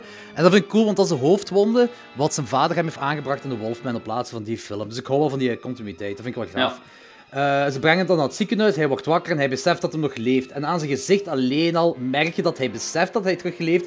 En dat hij, hij ongewild terug mensen in gevaar gaat brengen. En dat hij dood wilt. Hij wil gewoon dood. Eh, en dat is ook, hier hebben ze de amped up in deze sequel. Want bij elke nacht wordt hij onmiddellijk terug een, een weerwolf en begint hij mensen te vermoorden. Elke nacht heeft hij, is een weerwolf heeft hij een mens vermoord. Ook hier. Eh, het is volle maan. Ze laten volle maan zien. Ze, dus ze schijnen op hem. Hij wordt er een wolf. Eh, en hij gaat op een killing spree. En onder het motto van, ik weet niet, ICIB vermoordt hem een flik. Ehm, Holy shit. Fuck the police coming straight from the woods. ja, weet ik veel. Na die grave robber is dat zo de eerste dat hij vermoordt. Dus ik dacht van, ja, sure, ACAB. De punker dat hem is. Ehm, de volgende morgen wil hij dan iedereen geloven dat hij een Wolfman is. En dat hij ook de echte Larry Talbot is. Eh, en die detectives gaan dan in een dorp om meer te weten te komen over die Larry Talbot. En, ehm, en terwijl laat ze hem zich vast... Ja, moet hij vastgemaakt worden in zo'n straitjacket. En nu hebben ze ook weer een graaf ding voor de fans erin gestopt. Ah, dat, vind, dat vind ik gewoon heel cool als ik zoiets zie. Ehm, dus Larry Talbot die eh, ontsnapt daar uit dat ziekenhuis. Eh, wat ik wel jammer vind, is dan ze zeggen daarna van ja, die heeft dat helemaal open met zijn tanden opengevreten en zo. Maar je ziet dat niet gebeuren. Nee, inderdaad. Ze zeggen het gewoon. Vind ik een beetje jammer. Maar hij gaat naar de oude zigeunervrouw Maleva. En dat is gespeeld door dezelfde actrice dat Maleva speelt in de eerste Wolfman. Ah, echt? Dat is cool. En dat vind ik wel cool. Ja, dat is diezelfde actrice. Dat vind ik wel heel graaf. Love a good gypsy lady, ja. Dat is ook wel de classic gypsy. Dat volgens mij ook Ja, dezelfde actrice van zowel ehm eh, Tinner als van Things die Sam Raimi film. Ja, inderdaad. Eh, hoe noemde het Er is nog maar één zigeuneractrice. Ja. En die doen Alex. Ja. Ook een Drag Me Als- to als- Hell. Ja, Drag Me Hell. Die bedoel ik Sam Raimi film. Maar die doet het keigoed wel. Ja, dat is, die Ja, zien ja. had geen dag boven 200 uit. Nee! en dan nog kunnen acteren, perfect. Fucking gypsy. maar hetgeen wat wel zo'n beetje weer raar is, zo, hij vindt die zigeunervrouw, ook al is die zigeunervrouw buiten Engeland gaan wonen, eh, die zal wel diezelfde GPS als de mummy hebben van eh, de Mummy's Tomb, om dat te vinden. Of Horror Look, zoals Danny het zei. Maar hij vindt haar wel. Eh, nu, zij kan hem niet helpen met de dood, want dat was het ding van... eh, zij heeft haar geholpen met de dood van haar zoon Bella. Zo, ah, sorry. Gezondheid. Sorry. dat is wel mooi, mooi op tijd. Ah. Ehm, en in, in The Wolfman ook wordt Bella, de zoon, gespeeld door Bella Lugosi. Ik weet niet of je dat herinnert, met de ster op zijn kop. Eh, Maar in ieder geval, eh, zij heeft haar ermee geholpen, maar ze kan hem nu niet helpen. Maar, waar zijn ze beland? In het dorp van Dr. Frankenstein. Dr. Ludwig Frankenstein, de zoon van de originele dokter Henry Frankenstein. Eh, dus de Wolfman zit nu in Frankensteins dorp, wat een heel cool gegeven is. En Larry Talbot transformeert in de Wolfman, want dat gebeurt hier kei vaak in deze film. En die vermoordt een griet. Tuurlijk. Eh, Tuurlijk. eh, en wel, ja, dan gebeurt er een van de meest, hoe moet je dat zeggen, meest uitgesproken horror tropes van de Universal Monsters. Want heel dat dorpje vindt dat dood meis- meisje. en die lopen dan ook een gigantische meningen daar, mening te, daar rond. Ik had trouwens een heel zwaar Frankenstein-gevoel op dat moment. Want dat is eigenlijk hetzelfde wat met Fra- met Frankenstein gebeurt in de eerste film. Dat eh, Frankenstein dat meisje vindt, en dan per het water smijt, en dan komen ze ook dat dorp binnen met dat meisje. En... Ja, snap ik. Dat is ook, en dat zal ook wel een throwback daarna zijn. Alleen dat de Wolfman niks per ongeluk deed. Ja. Wat was de discussie ook alweer wat we de vorige keer hadden gehad over eh, ehm, determinisme en zo? Hadden wij een discussie gehad over wat?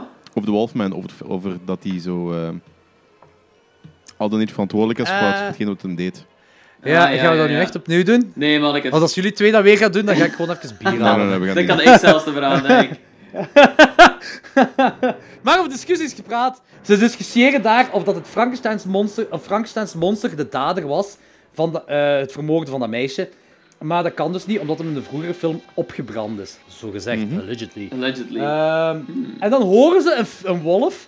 Eh, dus dan heb je gewoon zo- zo'n good old angry villagers chasing the wolf. Want dan zal het de wolfman wel zijn. Of de wolf, in ieder geval. Eh, maar de wolfman die ontsnapt die achtervolging. En die komt dan in het kasteel, of de ruïnes van, van Frankensteins kasteel terecht. Hij valt in die kelder juist op de plek waar het monster van Frankenstein in perfecte staat is ingevroren. What are the odds, guys? bestaat niet. ah, ik kan er wel mee leven. Ja, tuurlijk. Dat is een beetje movie magic, I guess. Dat is eh, fantastische movie magic. Eh, Larry Talbot wil de papieren vinden van, eh, van Frankenstein om de hoop van dat er iets in die documenten zou staan van, dat hem kan sterven. Want dat is zijn ultieme doel. Hij wil doodgaan. Ehm, Dus hij bevrijdt, hij vindt het monster en hij bevrijdt dat uit het ijs. Wat eigenlijk best wel... En je moet denken gewoon in die tijd dat je in een cinema zit. Het Frankensteins monster is de icoon van horror op dat moment. Dat is, dat is, dat is een beetje gelijk Freddy Krueger, jaren 80, jaren 90 of, of, of whatever. Dat is Frankensteins monster. Eh, en 2 en 3 zijn Dracula en de Wolfman. En dan heb je de Wolfman en Frankensteins monster, dus Larry Talbot en Frankensteins monster in één shot. Dat is best wel iconisch. Ja, agreed. Om dan op dat moment gezien te krijgen. Dat is ook, ik vind het ook wel heel cool. Eh, maar helaas, eh, het monster kan hem, niet kan hem niet helpen. Dus Larry Talbot spreekt af met Elsa Frankenstein, de dochter van de, van de dokter dan. Eh, en wanneer hij naar daar gaat, veronderstel ik dat Larry het monster daar ook maar gewoon even het kasteel laat rondwalen. Want daar gebeurt niks meer mee. Nu, kijk, er is, iets, er is ook heel veel geknipt in deze film. Kijk, ik vind, ik vind deze film oprecht cool. Ik vind het echt een heel coole film. Ik, ik zie die ook, denk ik, één keer om de twee jaar of zo. Al van mijn tienerjaren. Ik, ik, ik heb een heel grote nostalgie gehad met die film. Maar die film had nog beter kunnen zijn. Bela Lugosi speelt hier het monster. Eh, en bij normaal gezien spreekt het monster ook. Maar bij het testpubliek, eh, toen deze film door, eh, aan het testpubliek getoond werd, moest het testpubliek heel hard lachen wanneer ze het monster hoorden praten. Dus elke dialoog, alles wat Bela Lugosi zegt, wordt eruit geknipt. Ah, ja, ja. Zelfs zo erg dat in bepaalde shots dat ze gewoon eh, letterlijk de voice track van hem hebben eruit geknipt. Dus wanneer op dat moment Larry Talbot eh, die foto van Elsa Frankenstein vindt, ziet je het monster met zijn mond bewegen, maar er komt geen geluid in. Ze hebben gewoon letterlijk die voice track eruit geknipt. Ja, dat is awkward, hè. Waarom hebben ze dat eruit geknipt? Ja, Omdat het testpubliek, die, Ah, vond dat die, die moesten lachen. Het testpubliek moest lachen wanneer ze Bela Lugosi hoorden praten als Frankenstein, of als het monster van Dat Frankenstein. is heavy vernederend ook wel voor Bela Lugosi.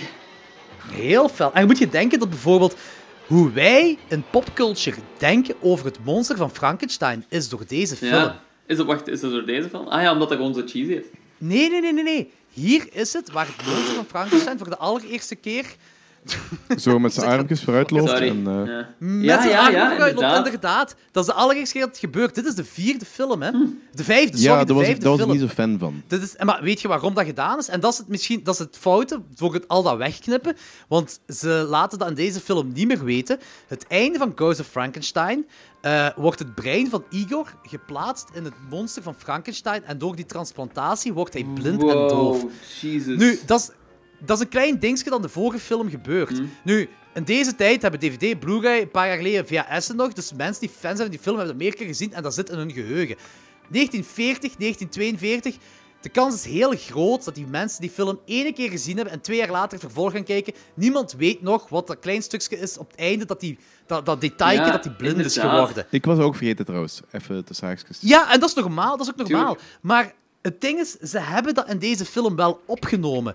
Er is effectief een scène waarbij Larry Talbot te weten komt waarom het monster van Frankenstein blind is. Dat is een hele conversatie dat ze hebben. Maar, omdat alles eruit geknipt is wat Bela Lugosi zegt, ja, is dat niet, zijn ze, komen we dan nergens te weten in deze film. Omdat alle dialoog eruit geknipt. Dat, vind ik heel bizar. jammer. Ja.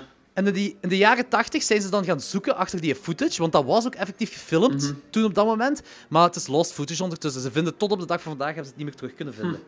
Hm. In de dialoog zou Bela Lugosi ook iets zeggen. Allee, het monster dan zou iets zeggen van dat hij desired is om over heel de wereld te heersen.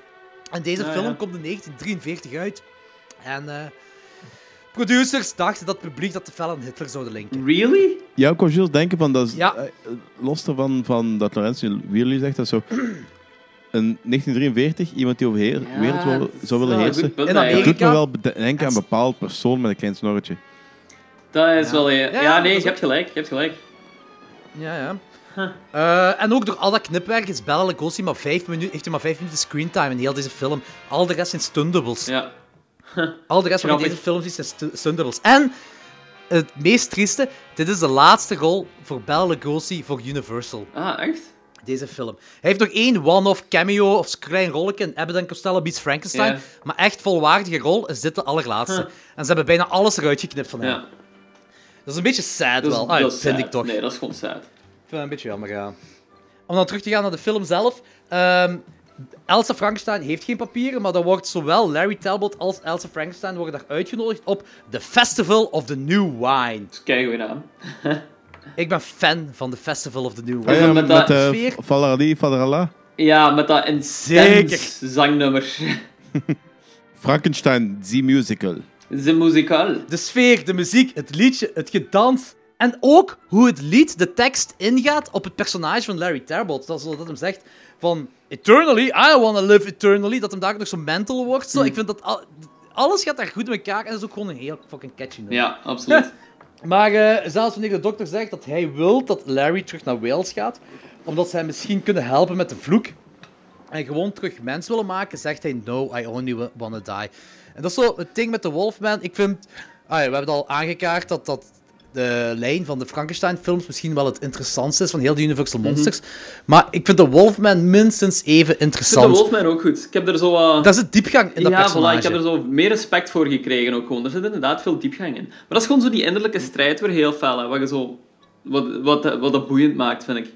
Ja, ja, ja. Nee, Dan geeft hij hond- inderdaad zo wat meer lagen gewoon. maar al de classic Universal Monsters heb ik dat. Dracula heeft dat ook. Frankenstein heeft dat ook. Misbegrepen zielen meestal, ja. Ik ben tot besef gekomen dat ik zo de Universal Monsters Dracula eigenlijk heel saai vind. Which I heel, get. dat, dat ik heel weinig... eh, Dat, dat is gewoon een bourgeoisie dude met eh, een cape die ehm, zich verveelt, een beetje sarcastisch is, omdat hij niet in de zon kan lopen en dan zo, ja, met mensen dood. Dat is gewoon een, een cynische teenager. Danny maakt er zo'n Family Guy aflevering van. Dat is toch... Ik ben ook niet zo'n fan van Dracula. dus Ik heb heel veel respect voor Bela Lugosi. Maar dat is, hij is voor mij degene die die film draagt. Ik vind zo'n figuur Dracula eigenlijk wel, wel ergens boeiend, maar ja. Ik snap wel wat Danny wil zeggen. Zo. Ja, maar dat is ook zo wel. Eh, maar hier in deze film, dit is ook zo Frankenstein meets the Wolfman. Maar Frankenstein is wel het achtergrond, op achtergrond hier. Dit is echt zo Wolfman's film ook, hè. Ja, nee, dat is ook zo. Ehm, het, het is gewoon het, de struggle van de Wolfman is gewoon het hoofdding. Het hoofdding hè. Maar ik vind dat wel sava. Ah, Ze kunnen die niet evenwaardig maken, I guess. Dan heb je zo Mhm. een moeilijke film. Ja. Eh, het enige wat ik wel goed vind dat klopt, is dat het monster van Frankenstein arriveert op het festival van de New Wine. Want zoals we een Bride van Frankenstein hebben geleerd, het, het eerste wat hij geleerd heeft om te zeggen is wine. Goed. Juist, ja. ja. Dus eh, dat klopt wel dat hem daar aankomt. Ah. Dat is zo die, die Napster Metallica sketch. Napster bad, Metallica good. Oef, ja. Ja, want James Hetfield staat toch die, die Frankenstein-figuur, hè? Wine good. Wa- wa- van- bij wat is dat weer? Wat, heb je heb je dat nooit gezien? Dat is zo die, die, Jawel, dat zegt die maar dat, animatiecraft van de eh, tijd toen dat eh, de, zo die me- Metallica... Maar zo'n internetfilmpje was dat, hè? Ja, dat was dan eh, Lars Ulrich die zo constant afgeven was op Netflix en mensen die dingen downloaden. En zat er gewoon zo'n gigantische James Hetfield Frankenstein-figuur. Napster bad, Metallica good. Zalig. Ja, dat is good. Ehm, dus Elsa, eh, Dr. Mandering en de zigeuner gaan Larry en het monster in de ruïnes van, van het kasteel bezoeken. Eh, en ze zitten daar in de laboratory, laboratory Dus van lab- eh, Dr. Frankenstein. Je moet dat zo zeggen ook gewoon, hè. Dat moet een moet. laboratory. De notities waarin staat dat ze... eh, da- daar staat zoiets in van... The energy that cannot be destroyed can be transmitted. Eh, en dan zegt ze, wanneer Larry Talbot echt gewoon letterlijk vraagt... What can we do to end my life? Hmm, Dark. Ja, eh, dus eh, de laboratorie is terug opgebouwd. Eh, Larry staat erop dat ze dat vanavond doen, want hij wil vanavond sterven, want hij wil die nog eens de Wolfman worden en mensen vermoorden. Ja.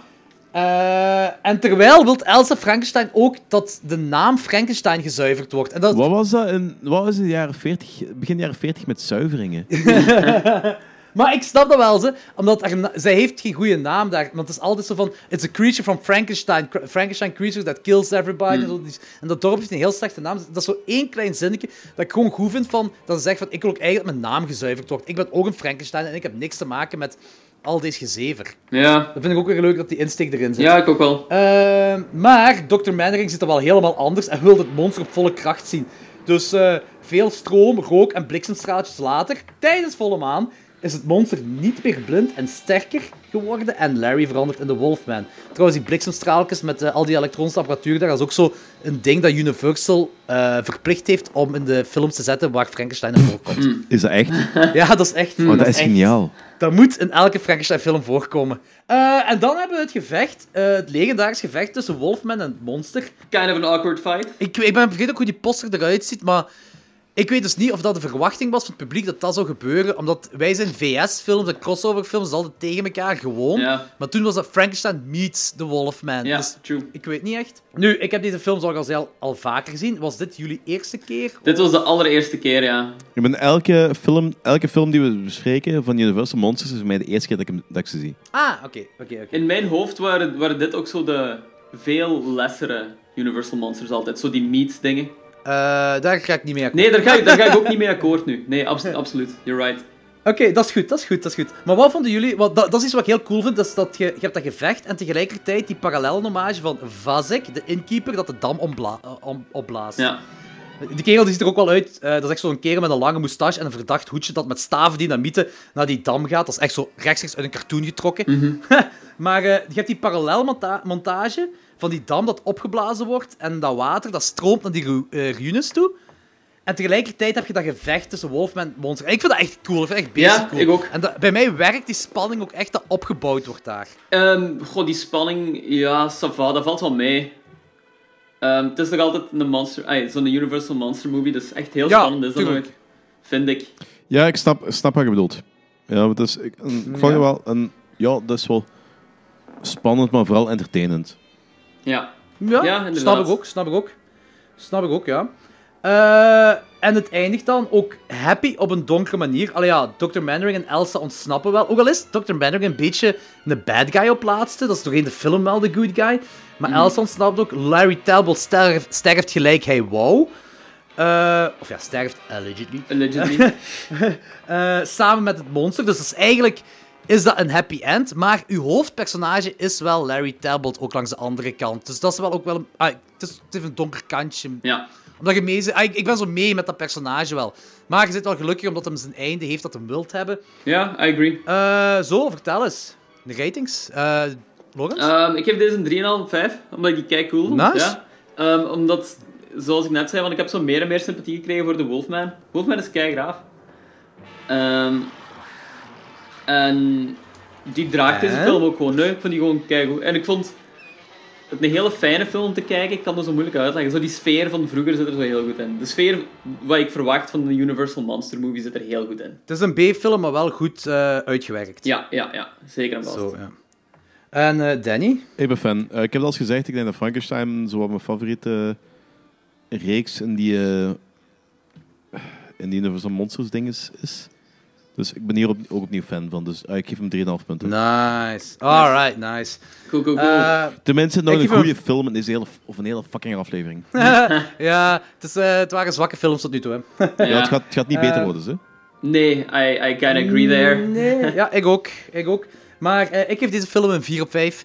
Eh, ja, ik ben gewoon een grote fan van deze film. Zoals ik zei, ik heb die al sinds mijn tienerjaren dat ik die om de zoveel tijd kijk. Ja. Eh, het is een beetje een klein babyke van mij. Oh, Ik vind heel tof. cute. Ja, ik, vind, echt- ik vind het echt een heel coole film. Ik ben Ja. ook heel fan van alles met Frankenstein en de Wolfman. Ik vind dat twee, twee coole personages. En dit is ook het laatste van de Frankenstein-lijn en de Wolfman dat we zien tot de film House of Dracula. Ah, ja. Maar dat is eh, voor binnen twee Monster Mansion of zo.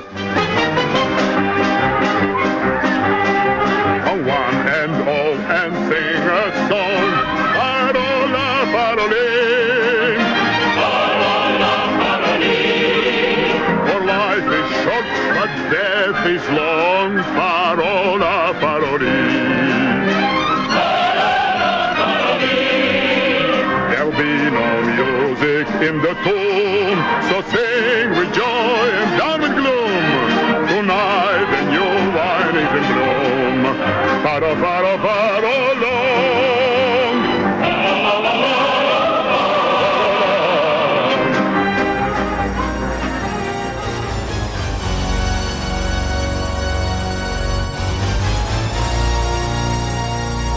The Phantom of the Opera. Phantom of the Opera. 1943, geregisseerd door Arthur Lubin.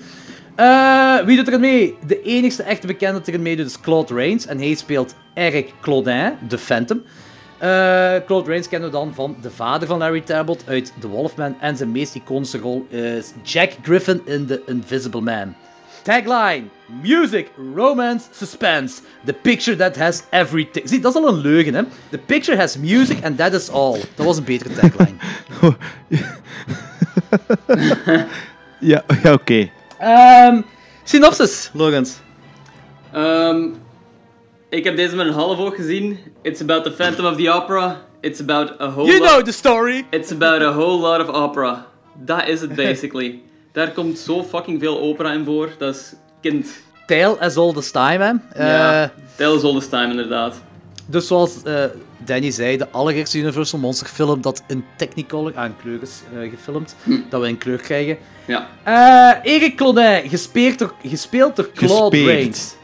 Gespeerd door Claude Dat was trouwens Rains. even teleurstelling. Ik wil dat nu al even aanhalen. Teleurstelling, want ik heb de eerste Phantom of the Opera film is volgens mij die Argento-versie geweest die ik heb gezien. Hmm, En er wordt effectief een keel eh gespiest. Dus eigenlijk gespeerd door, een, eh, Dat is waar. door die, is door waar? die stalactiet. En dat zat Ja. hier niet in. Dat was van teleurstelling. De- maar praat verder over Meer gespeerd. mensen moesten gespiest agree, worden. kinda agree. Mens- meer mensen moesten gespiest worden in deze film. Ja. In deze 1943 film moesten meer mensen gespiest worden. Er moeten- en elk jaar moeten meer mensen gespiest worden. Niet alleen in films. Eh, ik ben gewoon al blij als in, in films mensen gespiest worden, want dat wordt ook al te weinig gedaan. Ja, true. Ehm, dus hij speelt niet meer zo heel goed viool en hij wordt buitengeschopt uit het operahuis omdat zijn linkerhand niet meer goed werkt en dus niet perfect kan spelen. Al goed dat hij niet moet spelen voor de kerel van de Perfection. Ja. Wordt hij Inderdaad. daar gewoon ranzig verkracht. Eh Claudin is bloed en heeft al zijn geld uitgegeven aan zanglessen voor het meisje waar hij verliefd op is. Ehm, Oké, dan moet ik toch even die opzet, dat, dat je sympathie kweekt dan voor Claudin. En ik vond dat ook wel zielig voor hem, Mhm. hoe hij eh, daar in de picture kwam. Ehm, hij heeft een manuscript geschreven, maar Playpal eh, zegt, dat, ja, die zegt dat hij niks ontvangen heeft, maar dat zijn werk waarschijnlijk in de vuilnisbak ligt, omdat hij al werken van hem gehoord had dat toch niet zo heel goed was, of zoiets. Ja, pretty Eh, much. Maar op dat kantoor hoort hij dan zijn werk, want ik denk op al die kantoren van operagebouwen zit random ergens iemand wel piano te spelen. En dat is dan heel toevallig zijn stuk. Dus die wordt kwaad. En die assistent van Playpal, die loopt daar met een ovenschotel vol met zuur rond. Nu, ik heb gemist waarom die daarmee rondloopt. Die waren, foto, die waren foto's aan het maken of zoiets. Oké, dat heb ik helemaal gemist. Ik vond dat heel raar dat hij daar rondliep met een ovenschotel met zuur. Zo, waarom loopt hij ermee rond? Ja. Zo, watch out, this is acid. Ik, ik weet niet wat die daar aan het doen waren. Dat zo, het zag eruit alsof die foto's aan het ontwikkelen waren. Maar dat zal waarschijnlijk ook wel niet geweest zijn. In 1943 hadden geen foto's. Nee, maar wel film. Geen foto's, maar wel film. Good point. Eh, en eh, zij gooit die ovenschoten met zuur over zijn gezicht. Yep. Wa- en eh, omdat hij ook die playpal dan vermoord heeft. En hij is nu een moordenaar en moet vluchten in de riolen van het operagebouw. Ja. En daar heeft hij wat props gestolen uit het gebouw. Dat is trouwens, dat operagebouw, dat is dezelfde soundstage als de 1925 eh, Phantom of the Opera met Lon Chaney Sr. Ah, oké. Die eerste klassieke Universal Monster film. Alright, dat is wel cool, Blijkbaar is 100.000 dollar van het budget van deze film ging om eh, deze operahuis, deze soundstage, ehm, geluidsdicht te maken. Want ja, ja. die 1925 film, dat komt nog uit de silent era. Daar moesten ze toen niks rekening mee houden. Eh, ik was heel blij toen die flik Raoul, eh, Christine en Anatole kwam storen toen ze die opera Lullaby aan het repeteren waren, want dat duurde echt veel te lang voor mij, die Lullaby. Maar dat is, dit is gewoon 100% een musical ook, hè. Het blijft echt duren. Ik vind dat ook. Ik vind dat ook. Eh, ik vind dat heel jammer ook. Dat alles, Ja. alles wat met muziek te maken heeft en alles waar muziek... En plus opera... Ik vind opera-muziek een van de saaiste dingen dat er bestaat. Kijk, dat is Ik heel ben wel indrukwekkend en zo, hè, maar... Ik ben wel fan van opera, maar ik moest het niet per se in deze film zien. ik, ik wil geen opera Phantom of the Opera zien.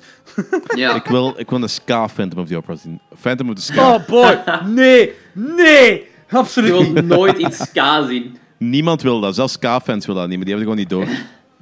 Ja, dat vind ik ook. Agreed. Eh, dus daar ter plekke, bij- tijdens die lullaby, wordt al zo'n beetje ongemakkelijk subtiel ruzie gemaakt tussen Anatole, Anatole, wat een naam trouwens ook, en Raoul, eh, met dat beeldje van Christine daar, dat ze daar afgeven. Eh, met andere woorden, in totaal zijn er drie dudes verliefd op eh, Christine. Je hebt de Phantom, eh Claudine dus, Anatole en Raoul. En de new guy, ja. Dat wil alles alles tot nu toe zeggen. En volgens mij hebben we dan een uitrekking van ongeveer 70 minuten tot nu toe gehad. Ja. Gewoon te laten weten dat er drie mensen verliefd zijn op één griet. Inderdaad, en dat is echt goed gevuld met opera-sequenties. Echt goed gevuld. Ik kan... Dit is echt gewoon live opera. En dat is heel mooi om te zien, hè. But it's really fucking boring. Ja. Oké, dat, dat, is, Ik, dat is een eh, beetje hetzelfde gelijk. eh, vervang dit door eh, leeuwen- en tijgerscènes en je hebt eh Captive Wild, Wild Captive Woman. Captive Ja, Wild, ja, inderdaad. Wildcat, ja, dinges. Captain Wild Woman. Captain Captain Wild Wild Woman. Woman. Ja. Captive Wild Woman. Dus zo, dat is een beetje zo deze hetzelfde bedje ja. ziek. Zo gewoon, we gaan die film rekken. Yep. Ja, ja, dat is waar, dat is waar. Dat is Maar deze duurt wel Ja. fucking lang gewoon. De- deze is wel anderhalf uur, toch, hè? Ja, dit is anderhalf uur. En het is ook eigenlijk... Het is, ai, als je Hannibal gezien hebt, die film...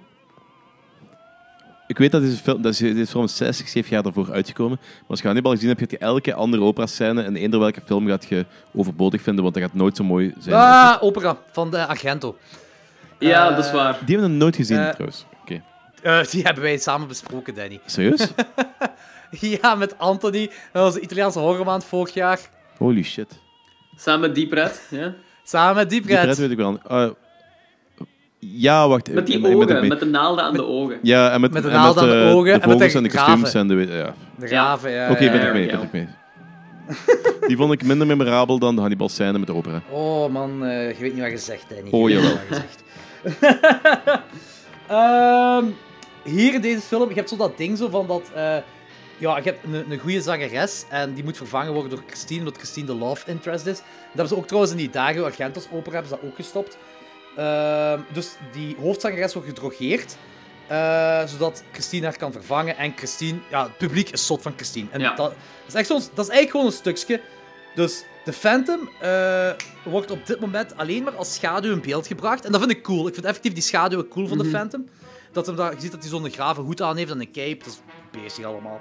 Ehm, en hij drogeert die hoofdzangeres van het opera. En op dat moment is dan Christine bezig met haar te vervangen. Het publiek is tot van haar stem. Dat gebeurt in een 10 minuten scène. Dat duurt echt walgelijk lang. Ik heb het echt getimed. Dat is 10 minuten dat dat duurt. En dat is echt gewoon om, dat is echt gewoon om aan... Ja, dat is gewoon allemaal opera, gelijk jullie zeiden, dat erin voorkomt. Ja. Eh, en, en dat is gewoon om aan te tonen van dat hoofdzangeres is gedrogeerd en Christine moet haar vervangen. That's it. Yep. En ze rekken dat heel lang uit. En dat vind ik een beetje jammer, dat dat zo...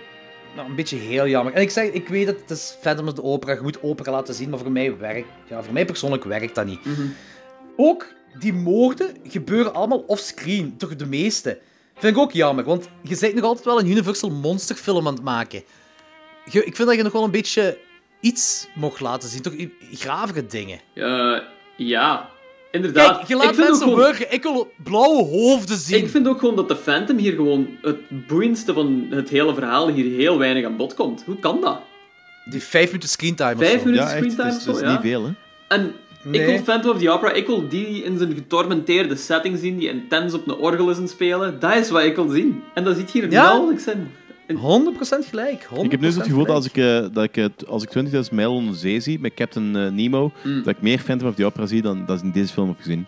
Eh, Hier is echt heel weinig Phantom of the Opera. En ik vind dat heel raar, want eh, de, eh, de Phantom of the Opera uit 1925, dat is een vrij grote klassieker waar het effectief draait om de Phantom. ja. En, en Universal heeft daar keiveel geld aan verdiend. En dan gaan ze hier... En het ding is ook, deze film was bedoeld als opstapje voor de Abbott en Costello films. No way, echt? Ja, Lon Chaney Jr. zou normaal gezien de rol van zijn pa overnemen in deze film. Hij zou normaal de Phantom spelen. Het is wel een beetje pijnlijk als je films maakt om een opstapje te zijn voor een andere film. Hmm. Ze, ze hebben gewoon iets heel... eh, Ze zijn een andere richting uitgegaan. En ik weet nog altijd niet waarom. Ik vind dat heel raar. Ook, wat nog raar is... Waarom zeggen ze om het opera te sluiten... eh, eh, na die moorden zeggen ze voor het de opera te sluiten... Maar om vlak daarna dan toch te zeggen... Nee, we moeten die toch openlaten. Allee, vlak daarna. Dat is ook weer zo'n sequentie van een paar minuten. Dat is zo allemaal verloren materiaal. Zo, dat is een heel ding dat rondgaat van... We moeten de opera sluiten, we moeten de opera sluiten, we moeten de opera sluiten.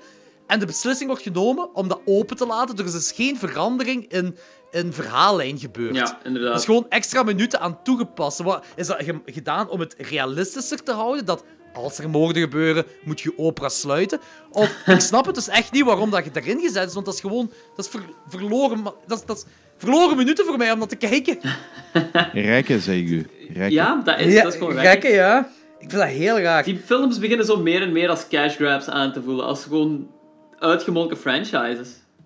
Terwijl deze de meest succesvolle van ze allemaal is. No fucking... Wel, ik kan wel ergens inkomen dat hier veel production costs in zaten.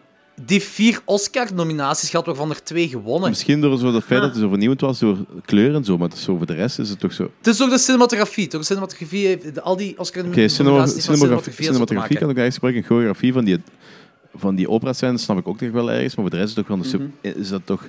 Qua horror en qua Universal Monster Movies Qua horror is dat er niks. inferieur aan heel veel andere films in die reeks. Ja, dat vind ik ook. Ik vind dat, ik vind dat op niks trekken zelfs. Maar ja, Ja, maar ja. maar ja. Ik wil wel toegeven dat de komische relatie tussen Anatole en Raoul, dat vind ik wel charmant. Ah, ik vind dat wel, die hun, eh, altijd als zij twee bij elkaar zijn in een scène, en die scène eindigt altijd met Christine in het midden in een komische noot. Ja. En dat vind ik wel leuk, dat, vind ik, dat, dat geeft zoiets luchtig mee eraan. Dat vind Ze ik wel hebben leuk. die film gewoon veel te classy willen maken, denk ik. Nou, dat kan wel zijn, dat kan wel zijn, ja. Eh, om verder te gaan, het plan van Claudin eh, is... eh, nee, het plan is, van de, van de flikken is om Claudin zijn eigen opera, dat hem daarin had gemaakt, om dat te spelen. En om hem dan uit zijn schuilplaats te lokken. Eh, dus zijn schuilplaats van Dingsken, hè, van eh, daaronder in die grotten, de caves, riolering, whatever. Maar eerst krijgt die eigenares nog een papiertje waarop staat dat hij eist dat Christine een een of andere rol krijgt in, in een opera. En al die operas zijn trouwens ook allemaal fictieve operas, want zij wouden echte operamuziek gebruiken en echte operas, maar ze konden de rechten niet eh, terugvinden, omdat op dat moment oorlog was in Europa. Ah, oké. Het was heel moeilijk om de rechten te krijgen van die, eh, van die operas. Interesting. Ehm, en dan, op dat moment, wanneer die eh, opera bezig is, dan ge- begint het zo... Eindelijk begint het een beetje interessant te worden. En dat is wanneer eh Claudin die een luster wilt afzagen van het plafond, zo'n gigantische luster, waar dat je denkt van, alright, eindelijk gebeurt er iets. Je gaat er zo een heel publiek pletten. Oké, uiteindelijk doet hem dat. Ja. Maar het was zo, ook weer zo flauw weggemoffeld, als zo van, het is gebeurd, maar je krijgt het toch niet te zien. Ja, inderdaad. Ah, je, ziet, je ziet de luster Ik- vallen, maar dat is zo... Heel veel Ah. schrik om te chockeren of zo, precies. Ja. Of gewoon om iets ik scary te doen, ja. Ik weet, je moet niet letterlijk bloed gaan Nee, verwachten tuurlijk in niet, die tuurlijk niet. oude... Ja, eh, maar je kunt toch iets meer Of iets- Squash. pff, of, of wat, gewoon wat lijken laten zien onder, onder, de, onder die luster. Dat was al genoeg geweest misschien. Ja. Ze willen dit zo'n hele... laten zien. Ze willen zo'n hele volwassen film doen, maar ze zijn gewoon veel te braaf gebleven eigenlijk. Voor Dat is mij ook, zo'n voor mij ook. zondagsspeelfilm geworden.